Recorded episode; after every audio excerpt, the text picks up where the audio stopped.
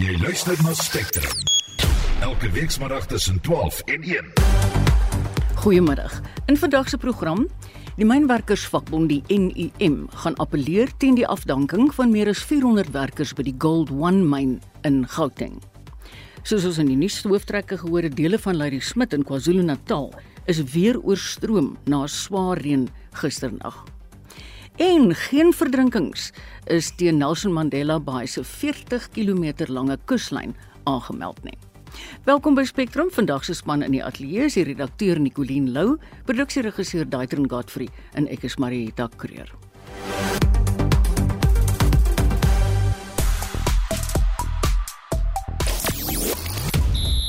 Die president van die Suid-Afrikaanse voetbalvereniging, Danny Jordaan, verduidelik die 7 miljoen wat Bafana Bafana kan ontvang en beserings kniehalter die Sunrisers Eastern Cape voor die begin van die SA20 toernooi.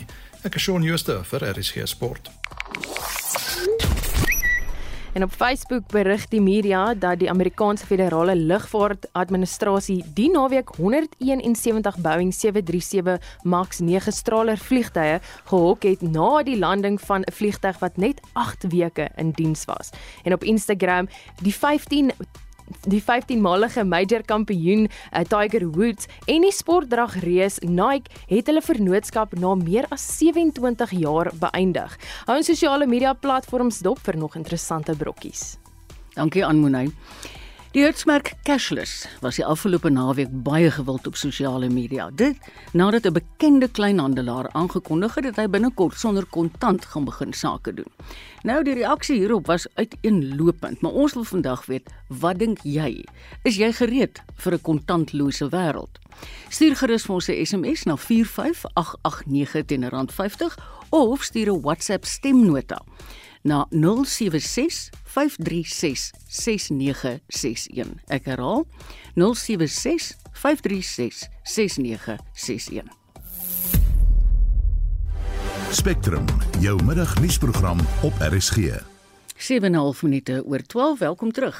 Die mynmaatskappy Gold One het 401 werkers afgedank nadat hulle verlede jaar aan 'n onwettige ondergrondse staking by die maatskappy se Modderoos afdeling in Springs in Gauteng deelgeneem het.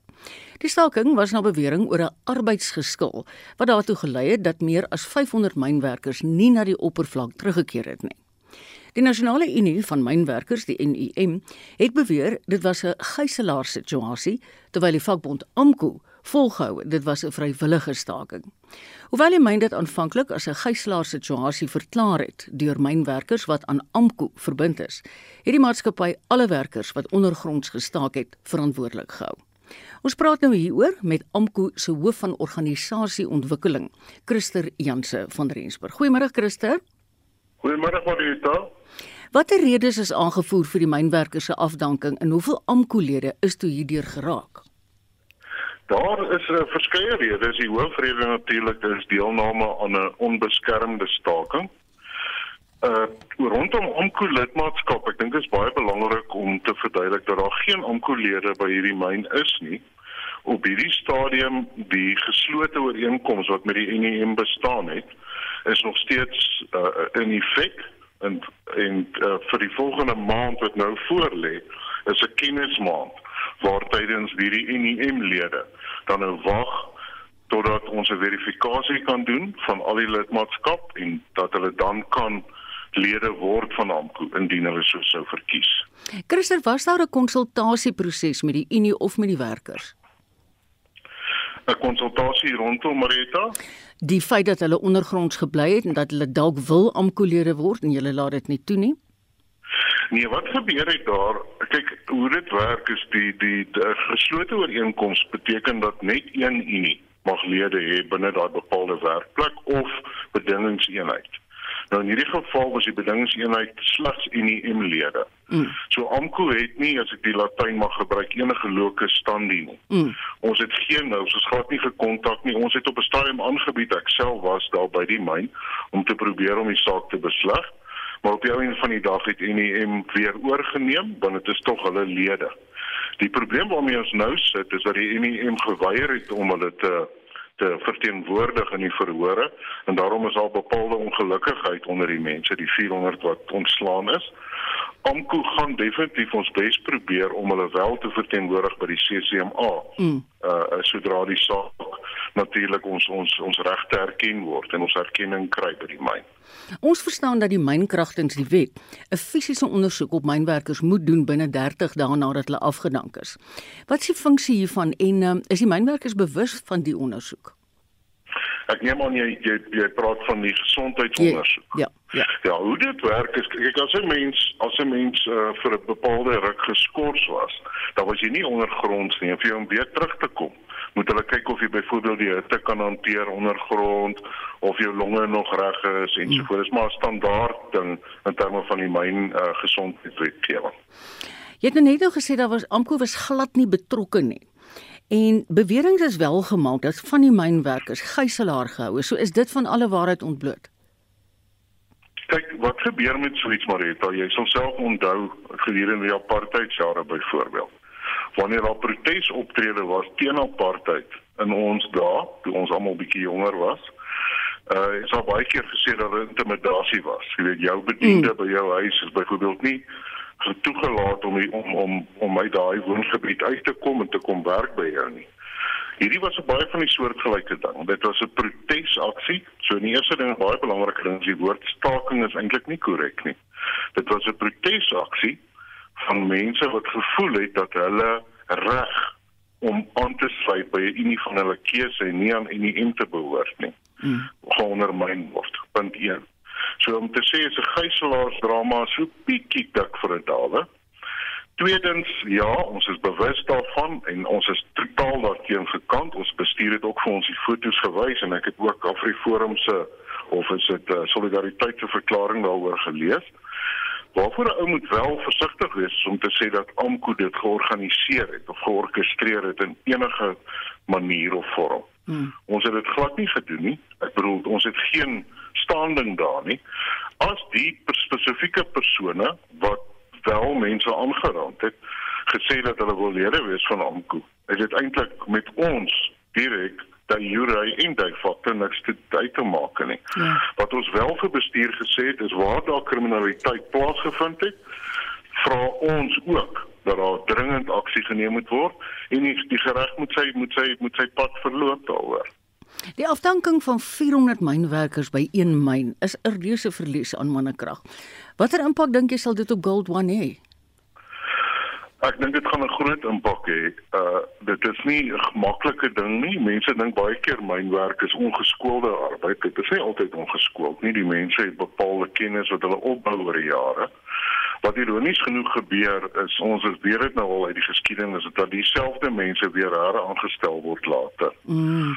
Ons voel ook en ek moet dit byvoeg dat hierdie ontslag dalk dat die myn van probleme het by die CCMA en selfs die arbeidshof mm. met hierdie ontslagte. Hulle mag dalk al hierdie mense mag dalk weer heraangestel word met vergoeding.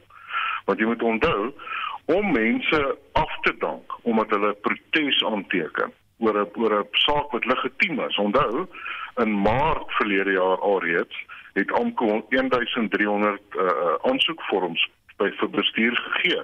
Wat wys dat die meerderheid van die myn wou nie meer onder hierdie geslote ooreenkoms wees nie. En toe het NEM en die mynbestuur vir hoeveel maande is dit? 19 maande voete gesleep om die saak aan te spreek en dit natuurlik die mense frustreer. So in 'n hof gaan al hierdie feite op die tafel kom. Uh so ek voorsien 'n moeilike stryd vir hulle in die hof. Baie dankie Christer. Ons het gepraat met die AMKU hoof van ontwikkeling, Christer Janse van Rensburg. 14 minute oor 12. Die regspraktijkraad se verandering in sy taalbeleid kan daartoe lei dat kandidaat-prokureurs wat nie die Engelse toelatingseksamen slaag nie, nie toegang tot die balie kry nie. Die regspraktijkraad sien die afskaffing van Afrikaanse eksamens as 'n regstelling omdat Afrikaanse kandidaate bevoordeel word wanneer hulle in hulle moedertaal geëksamineer word terwyl ander kandidaate dit nie in hulle moedertaal kan doen nie. Die burgerregte organisasie AfriForum eis nou dat die regspraktykraad sy besluit herroep. Die hoof van kultuursake by AfriForum, Alana Bailey, sluit nou by ons aan. Goeiemôre Alana. Goeiemôre Marieta en goeiemôre aan die luisteraars. Is daar ander beroepsvelde waar Afrikaans ook vir die skryf van toelatingseksamens afgeskaf is?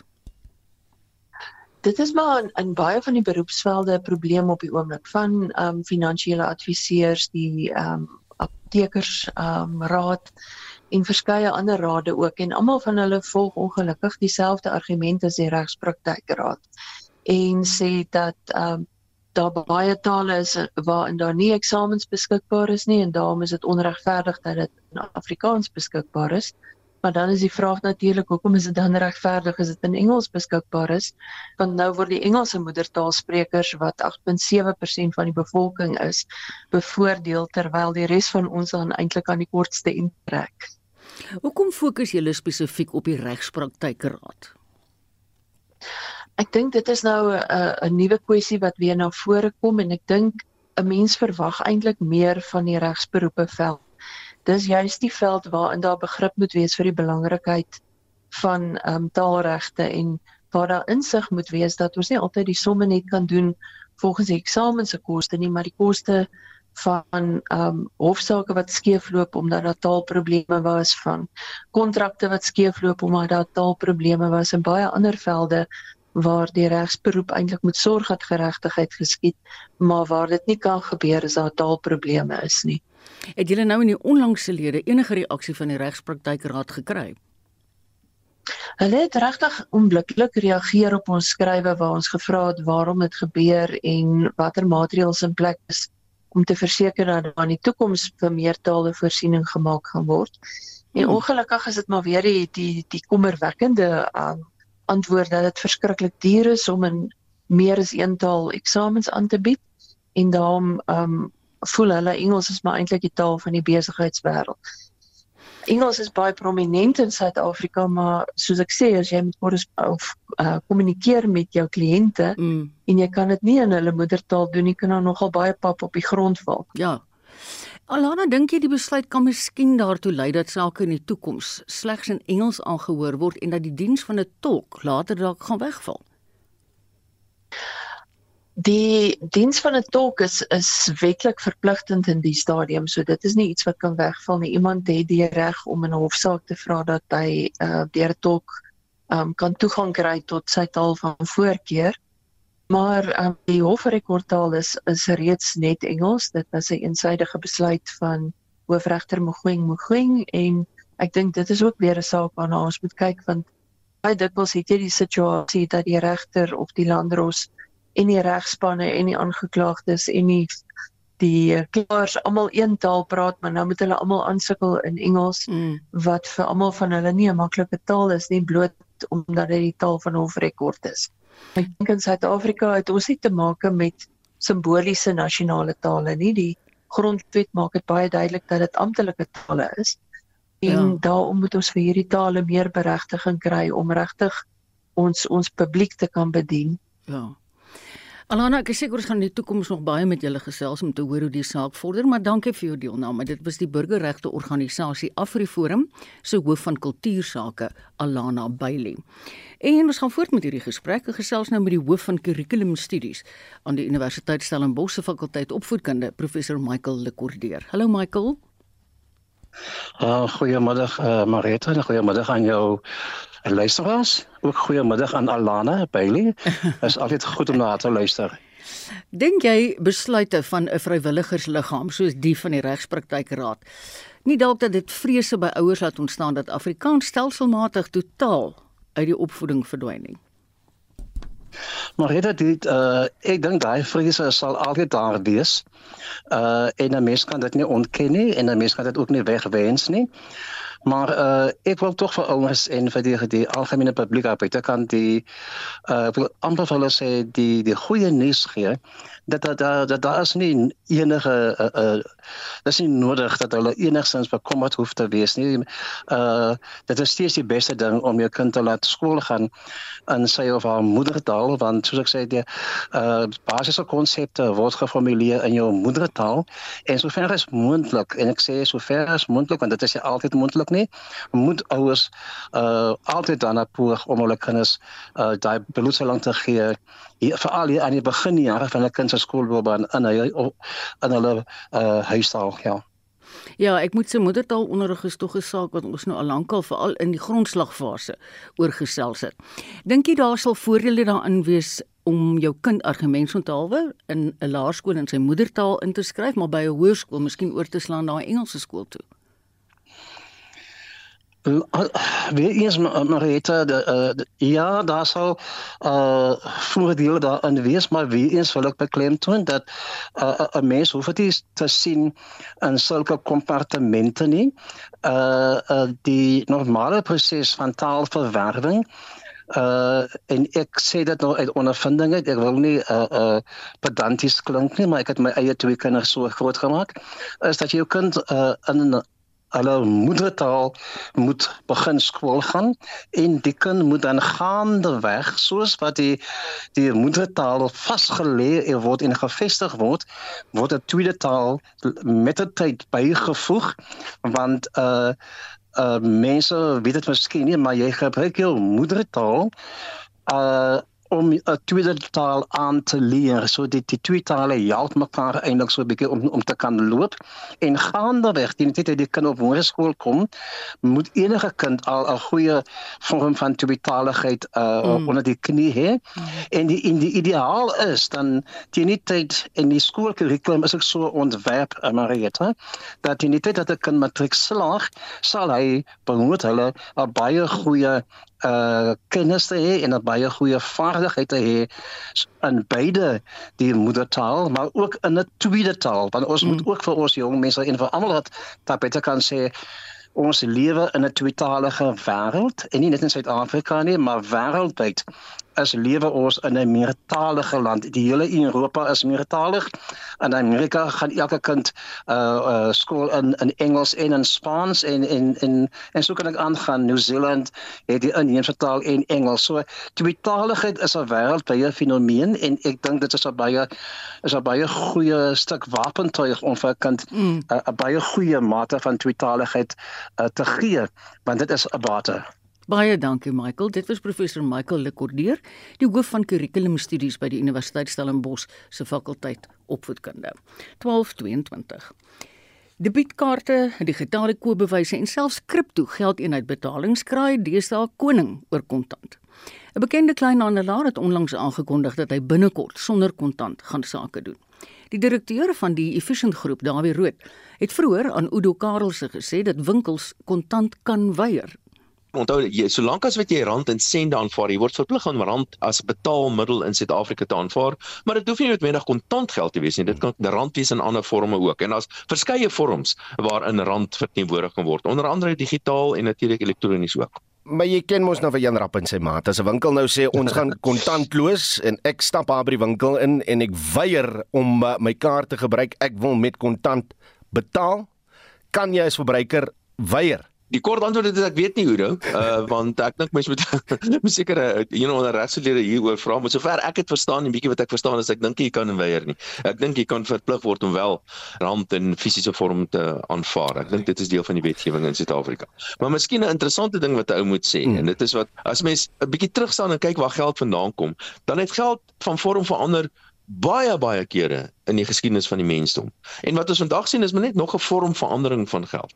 Geld begin al meer en meer elektronies raak en dit begin ook nou 'n sogenaamde digitale geldvorm begin dit ook daai vorm aan te neem. En elke keer het hierdie verandering in die vorm van geld gelei of gepaard gegaan met 'n opbloei in ekonomiese aktiwiteite. So byvoorbeeld toe ons gesien het hoe geld verander het van goud wat jy in jou sak rondgedra het na note toe wat in jou sak ronddra, het dit gelei tot 'n eintlike ekonomiese revolusie en 'n toename in ekonomiese aktiwiteite. Dieselfde toe geld nou besig is om elektroniese vorm aan te neem byvoorbeeld, het dit ook gelei tot 'n opbloei in ekonomiese aktiwiteite. So hierdie is eintlik niks niets nie. Hmm. En ek het 'n vermoede dit is maar net een van die proses van hoe geld oor tyd gaan verander en daar's klomp ander forme van geld wat al klaar besig is om na vore te kom en waarskynlik in die toekoms ook al meer en meer gebruik gaan word. Die enigste groot nadeel moet ek vir jou sê, waar kontant uit die stelsel uit gewerk word, is dat as ek en jy transaksies doen met kontant, dan is daar 'n element van anonimiteit aan verbonde. Hmm. So ek en jy kan 'n zol by jou gaan koop op die om die hoek en niemand gaan weet daarvan nie.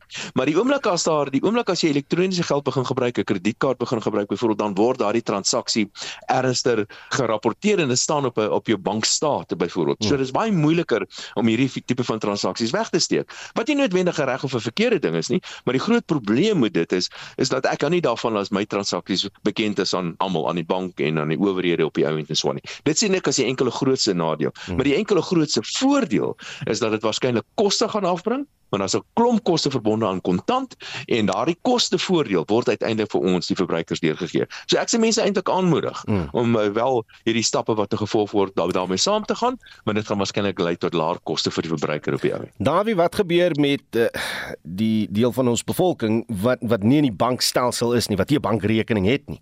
Ja, dit is 'n probleem, maar ek moet vir sê dis 'n probleem wat al kleiner en kleiner word. Deesdae is daar soveel verskillende applikasies byvoorbeeld op selfone op by slimfoon selfone byvoorbeeld beskikbaar dat jy kan al meer en meer van allerlei ander betaalmiddels gebruik maak. Maar dit is inderdaad so is dat daar is baie mense in Suid-Afrika wat nog nie behoorlik toegang het tot hierdie elektroniese betaalstelsels nie. Maar dit is besig om al minder en al minder te word. En dan moet mense ook byvoeg en en dit is dalk armer mense koop nie noodwendig by Woolworths nie. Woolworths is een van daai tipies bekend staan as een van die duurder plekke. Hmm. En jy kan selfs al is jy 'n persoon van 'n laer inkomste groep en jy het nie noodwendig 'n bankrekening nie, kan jy byvoorbeeld 'n sekere van die ander groot kettingwinkels kan jy jou SASSA onttrekking byvoorbeeld gaan doen en jy kan sommer direk by hulle gaan koop. Jy kan eintlik 'n soort van 'n rekening oopmaak by baie van hierdie ander kettingwinkels. So alle selfs al het jy nie 'n bankrekening nie, is dit nog steeds moontlik vir jou om deel te wees van hierdie elektroniese stelsel. Maar jy is heeltemal korrek. Daar's nog steeds heeltemal te veel mense wat net met kontant leef. Dink byvoorbeeld nou aan die miljoene mense wat op 'n minibus-taxi sit om werk toe te gaan. Hy werk slegs met kontant en as jy nie die regte kontant het, het jy nog 'n bestuurder wat vies gaan raak vir jou op op hy taxi. Dis 'n industrie wat wat dan ook sal moet verander dan nie. Ja, en 'n uh, interessante ding van die taxi-bedryf en nou gaan ek in die moeilikheid kom as ek dit sê. Ek het so vermoed dat die taxi-bedryf betaal nie noodwendig al hulle belastings nie. Dit is natuurlik 'n ander voordeel in aanhalingstekens om kontant te gebruik is dat jy kan baie makliker jou belastingverpligtinge vermy. Wat sommige mense kan gaan sê dis nie noodwendig 'n slegte ding nie. Maar dis dis maar net 'n kwessie van tyd. Kyk byvoorbeeld hoe werk Uber taksies want Uber is ook maar 'n taxi. Daar betaal jy al reeds elektronies. So dis maar net 'n kwessie van tyd wanneer taxi-bestuurders ook op die einde geforseer gaan word weens die die vordering verandering van die tegnologie om uiteindelik maar van elektroniese geld betalings gebruik te maak ook. Dis my kollega Udo Karelse wat ons gewoonlik soggens in monitor hoor en hy was in gesprek met die direkteur van die Efficient Groep, Dawie Rood. Die mededingingskommissie sê hy is gereed om skole te vervolg wat nie sy riglyne oor skooldrag nakom nie. Talle skole het in die verlede eksklusiwiteitsooreenkomste met skooldragverskaffers gesluit.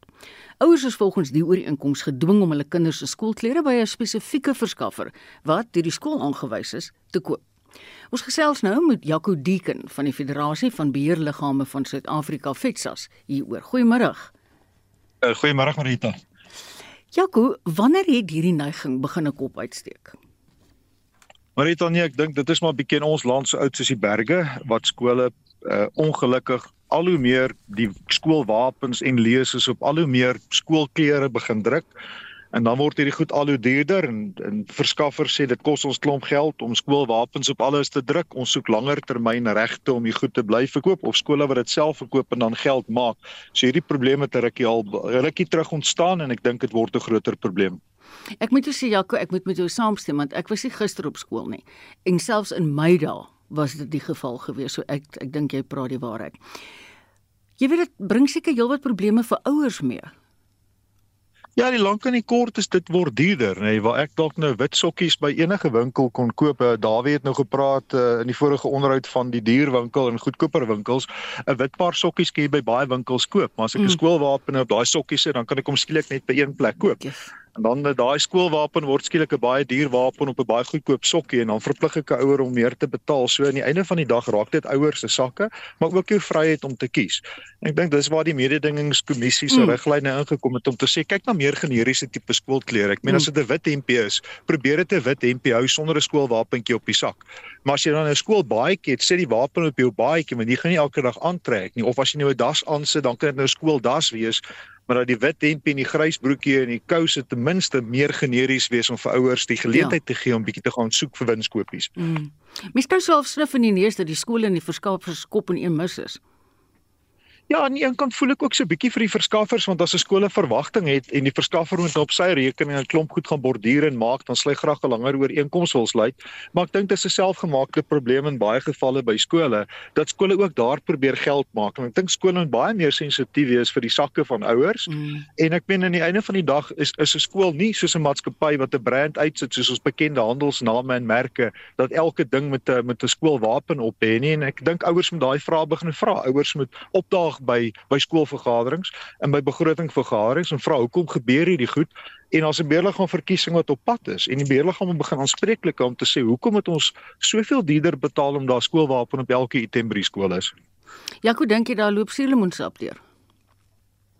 Ek dink uh nee, ek wil dit nie regtig waar sê nie Marette. Ek dink skole is onder finansiële druk en sien hierdie ook as 'n geleentheid daarom om die skoolwinkel seker te maak mense koop daar, maar ek dink nie die skool sko al die skole is sensitief genoeg vir die gemeenskap wat hulle bedien nie. Aan die einde van die dag wil ons dit vir kinders moontlik maak om skool te gaan ons wil nie vir 'n kind 'n verleentheid skep wat sy ouers dalk nie kan betaal om 'n wapentjie op alles te sit en nou wil daardie kind nie meer skool toe kom nie. So ek dink mm. ou moet mm. teruggaan na die vraag toe, hoekom is ons 'n skool? Hoekom dra ons skooldrag? En die skooldrag in Suid-Afrika word primêr gedra om seker te maak ons het eintlik vir die arm kind om nie uitgesluit te voel as ander kinders duur klere betaal nie sodat goeie onderrig kan plaasvind. Nou moet ons nie ons skoolklere so duur maak dat 'n kind weer uitgesluit voel omdat ek dit nie het nie. Mm. En ek dink dis 'n baie belangrike vraag. Dit gaan eintlik oor onderwys. Dit ja. gaan nie oor die logo nie. Baie baie dankie Jaco Jaco Deken van die Federasie van Beheerliggame van Suid-Afrika, FETSAS. Jy luister na Spectrum. Op RSG. Later in die program die jongste nadraai in die DRK se verkiesing. Bly ingeskakel.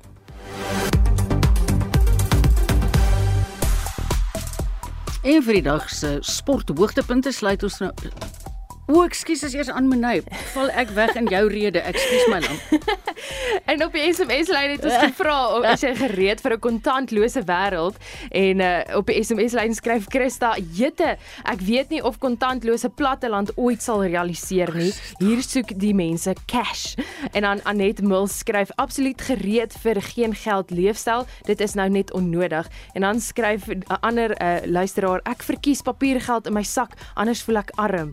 En op die WhatsApp lyn het ons die volgende stemnotas gekry.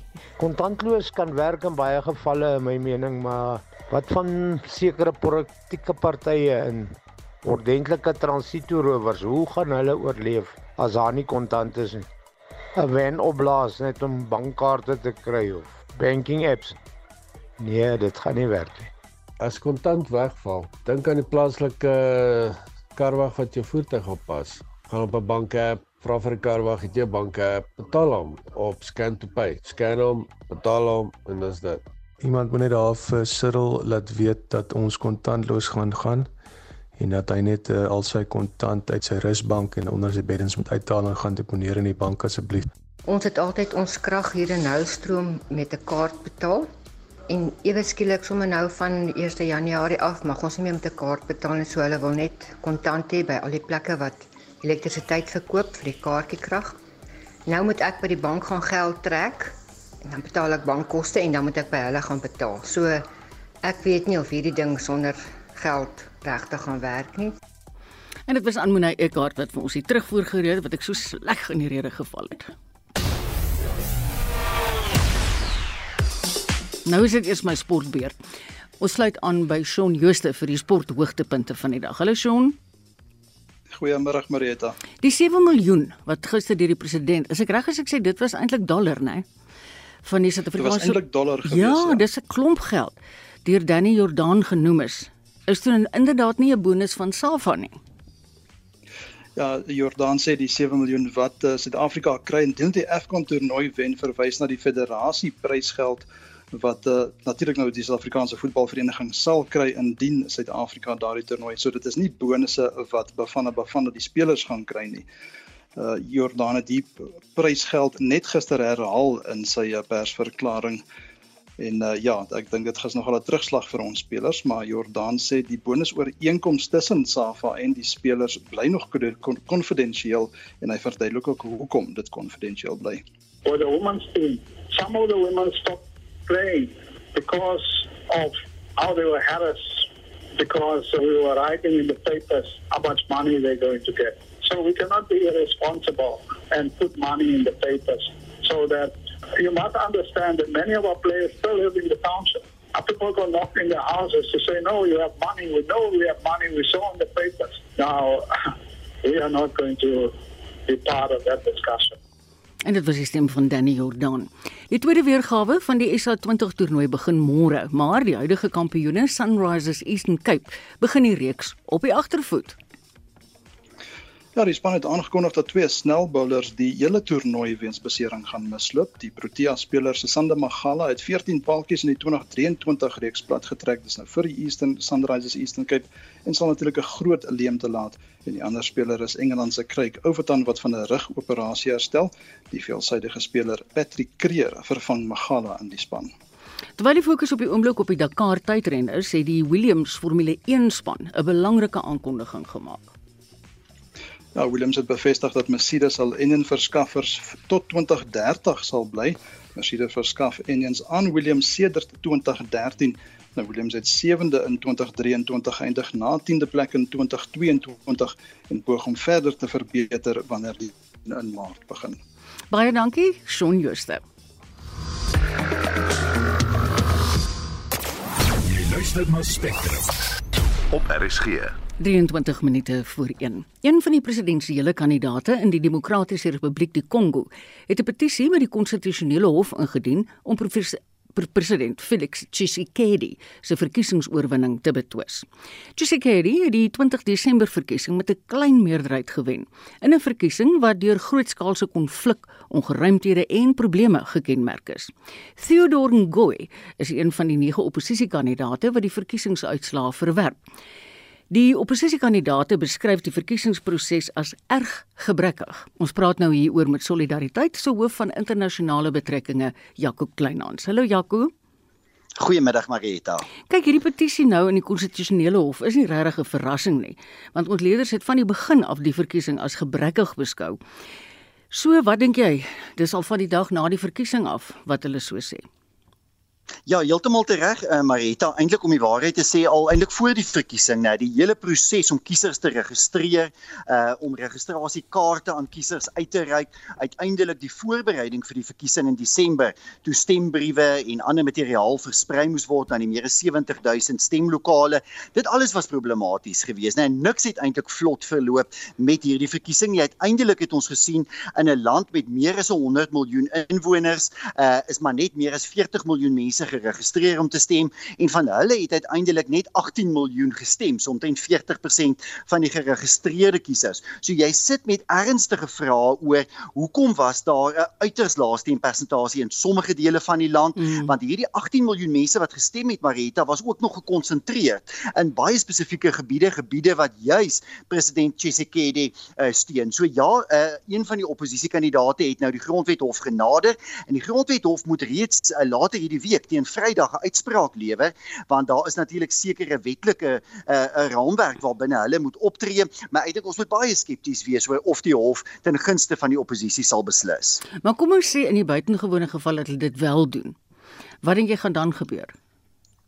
Kyk, dan sal daar waarskynlik 'n herverkiesing moet plaasvind, eh, wat natuurlik 'n reuse uitdaging is, eenvoudig omdat die verkiesingskommissie sê dat daar nie geld is vir 'n herverkiesing nie. Die regering sê ook hulle het nie geld beskikbaar nie. Nou ons het ook vroeër hierdie week uh, gesien dat die verkiesingskommissie nou aangekondig het dat meer as 80 kandidaate uh um, uitgeskakel word. Dit sluit onder andere in drie huidige ministers omdat daar vir welverkiesingsbedrog plaasgevind het. So op plaaslike vlak uh, binne sommige van die state en op nasionale vlak uh, was daar duidelik bedrog gewees. Die verkiesingskommissie erken dit self en daarom dat hulle hierdie kandidaate uh, nou uitgeskakel het. So die oppositie het eh, 'n uh, goeie argument mm. om te sê, um, hier was soveel probleme gewees dat hierdie verkiesing moet ongeldig verklaar word. Maar kom ons wees eerlik, wie is die regters wat hieroor moet beslis? Dit is regters wat histories baie baie simpatiek teenoor president Tshisekedi was. Ah. Dit baksin.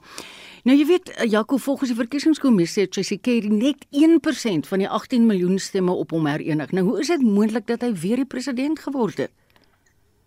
Nee, uh, president Tshisekedi het uh, 73% van die stemme uh, gewen. So dis eintlik 'n 'n reuse oorwinning, uh, maar die probleem is natuurlik dat baie min mense gestem het. Uh jy ja. weet en en dit is daardie dis daardie uitdaging um, as jy kyk na na presies hoe hierdie verkiesing uitgespeel het. In dele van die DRK waar die oppositie sterk is, was daar reuse probleme. Jy weet dit verkiesingslokale glad nie geopen nie of mm. laat geopen, daar was tekorte aan stembriewe, maar in daardie deelstate waar president Tshisekedi baie sterk is, daar het die verkiesing vlot verloop. Het jy 'n baie hoë stempersentasie gesien uh, en het jy uiteindelik ook gesien dat die stemtelproses uh, baie vlot verloop het. Ons het byvoorbeeld gesien 'n uh, ernstige onderdrukking van die oppositie selfs gister nog. Jy weet gister um, uh, is uh, die die hoofoppositiekandidaat Moise Katumbi uh, in sy huis verhinder eintlik om sy huis te verlaat. Daar is veiligheidsmagte gister ja, nee. ontplooi. Hulle het sy huis gister omsingel um, en ons vra die vraag wat is die rede daarvoor? Die rede is waarskynlik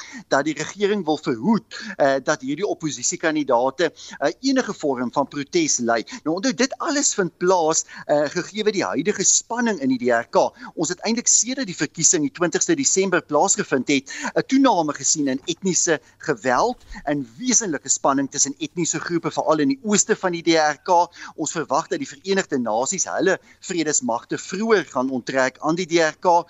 So dit alles vind plaas binne 'n klimaat waar daar reeds mm, vrese mm. is vir meer geweld in die land. Baie dankie Jaco, dit was Jaco Klein aan Solidariteit se hoof van internasionale betrekkinge.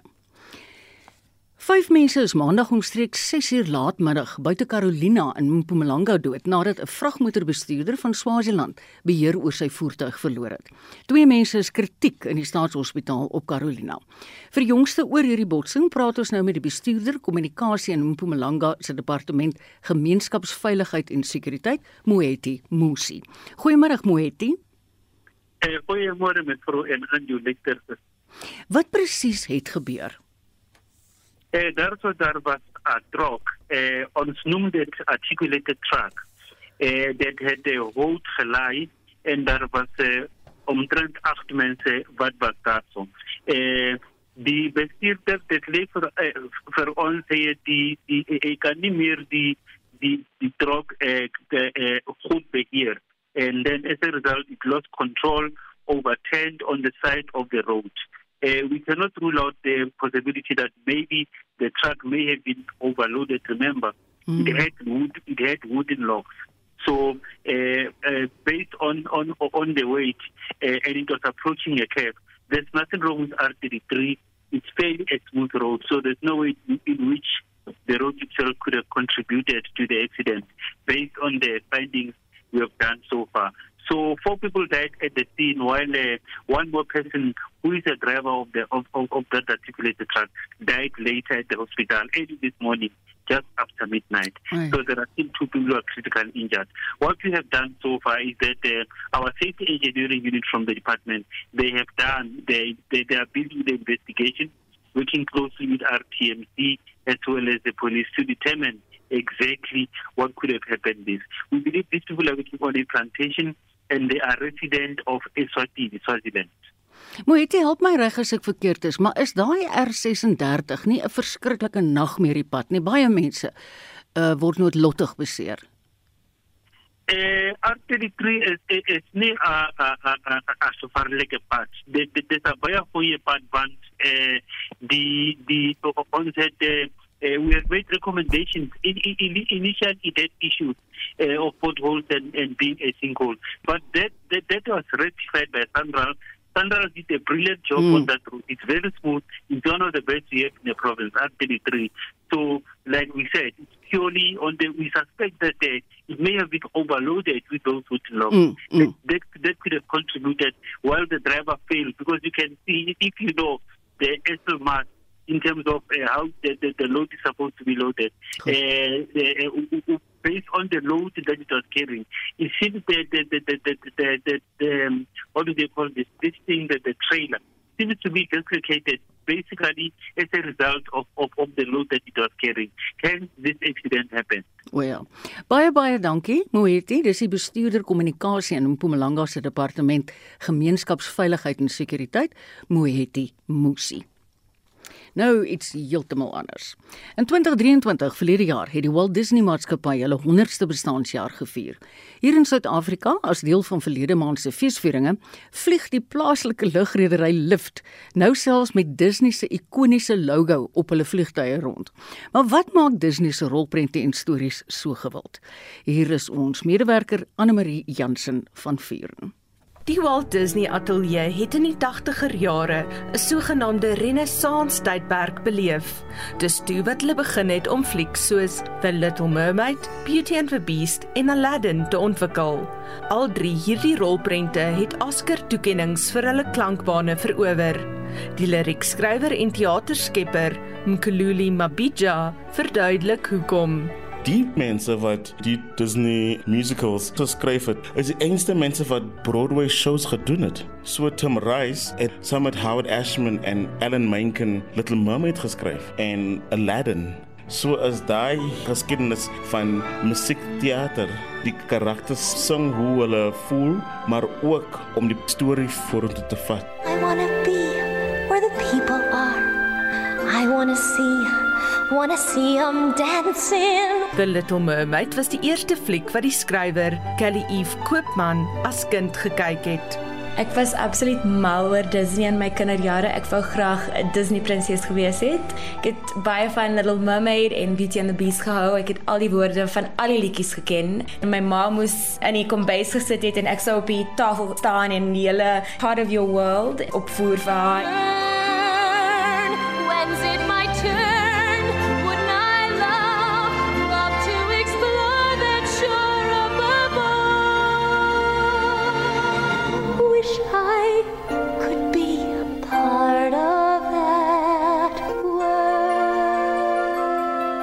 Koopman, wat van kleins af 'n boekfirm was, kon haar met Beauty and the Beast se hoofkarakter vereenselwig.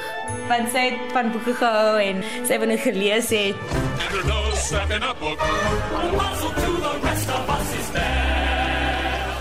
As 'n jong dogter het karakters soos Belle, Jasmine en Pocahontas as te ware vir Koopman 'n stem gegee. Beauty and the Beast, dit het so 'n goeie opening. Dis 'n ongelooflike liedjie. I want adventure in the great wide somewhere. I want it more than I can tell. And for once it might be grand to have someone understand. I want so much more than they've got planned. Volgens kenners het Disney se vermaak ook bygehou met die tye. In Tangled is dit byvoorbeeld Rapunzel se beurt om die prins se bas te red. En waar Jasmine in die destydse animasie stemloos in 'n uurglas vasgekeer was, sing sy in die hedendaagse Aladdin rolprent dat sy nie langer sal stil bly nie.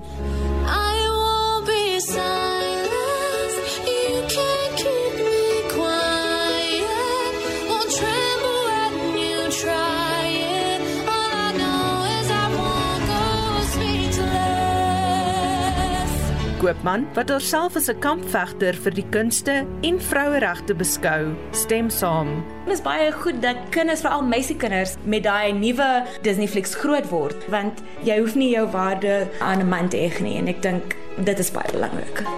Volgens haar slag die nuwe Disney flieks die Bechdel toets.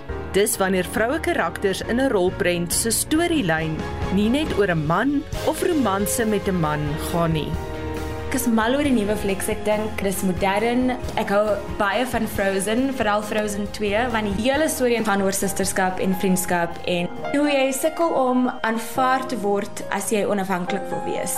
Drome wat nie romanties is nie. Ja, dis baie goeie lesse en dit is net baie lekker om daarna te kyk. Let it go. Let it go. Disney het ook 'n groot rol gespeel in Mkhululi Mabija se grootwordjare. Disney het my lewe verander. Toe ek 7 jaar was, my broer Mkhuseli was net gebore. Toe kyk ek Aladdin en dit was een van die mooiste liedjies wat ek gehoor in my lewe, A Whole New World. Daai liedjie is 'n nuwe wêreld vir my en die liefde wat ek vir my broertjie gevoel het. Hierdie liedjie daai gevoel gedeskryf vir my. Toe weet ek dat die is iets spesiaal. In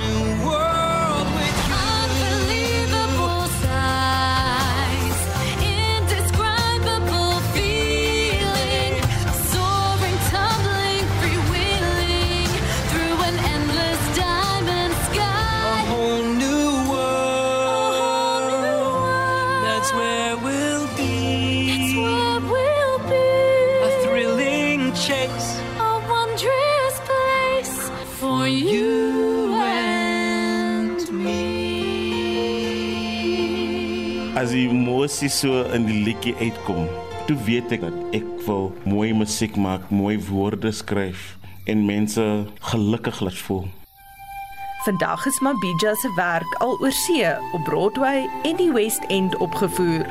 Hy is ook die hoof van 'n musiekakademie vir jong mense in Kimberley, Amandla Dansa Teatro. Volgens hom het dit alles by daardie eerste flieks begin. Toe kyk ek The Lion King. Dit was 'n baie groot invloed van dit het in Afrika afgespeel. Was Xhosa liedjies daar en op Swahili, maar Swahili is 'n Nguni taal, so dis nader na Xhosa. Hakuna Matata, a- awukho ama amatata. Hakuna Matata. What a wonderful phrase. Hakuna Matata. Ain't no passing craze. Toe ek nou die stage version van The Lion King sien, toe verander alles. Toe weet ek nou, ek kan dit doen maar in die medium van live theater en tot vandag toe doen ek dit. Nes sy gunsteling karakter Moana wil Mabija nog groot hoogtes bereik. Hy sê hy wil eendag musiek skryf vir animasierolprente wat ryk stories uit die Afrika vasteland vertel. Ek skryf vir teater nou, maar die end goal is dat ek wil ek wil die swart Disney Walt Disney word.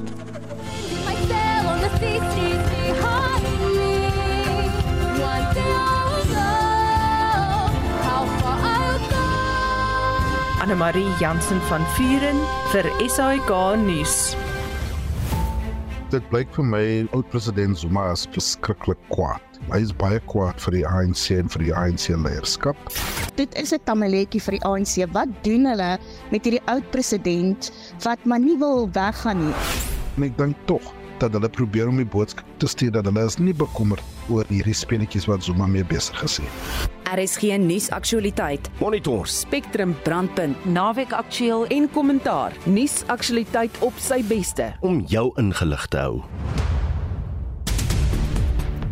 Is die ou vandag vir ons die nuus dop en ons begin met die ANC se nasionale voorsitter Gwedi Mantashe wat oud-president Jacob Zuma se Umkhonto weSizwe party met 'n rebelle beweging vergelyk dit. Marita, hy die uitlaat, uitlating op 'n vraag van 'n SAK-joernalis gegee terwyl hy as deel van die ANC se top 7 op besoek aan Mpumalanga was en hy sê hy is nie verbaas dat Zuma by 'n ander party aangesluit het nie.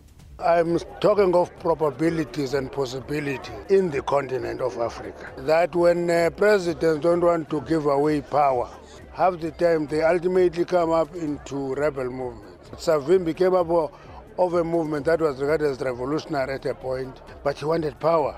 It's normal in the continent when you want power, you want to retain it forever. You will open a rebel movement. All we must watch, it must not be armed.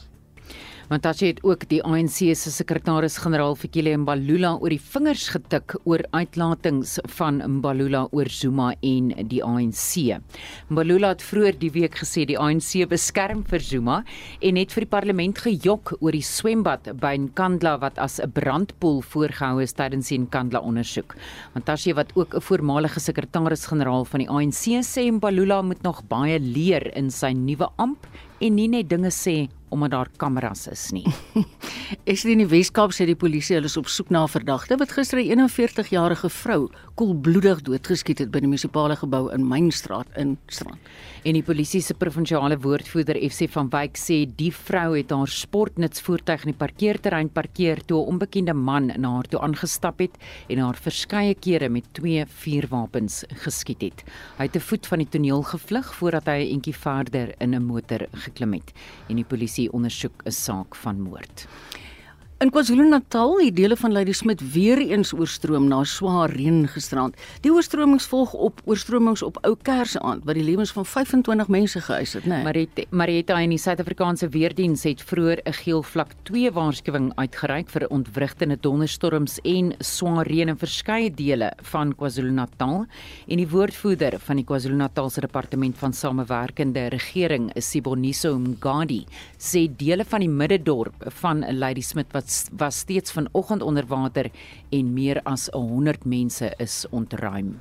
Our disaster teams, uh, including South African Police Service, Traffic Police, Emergency Services, and social partners, were on high alert, closely monitoring different areas due to a level 2 warning that was issued by South African Weather Services.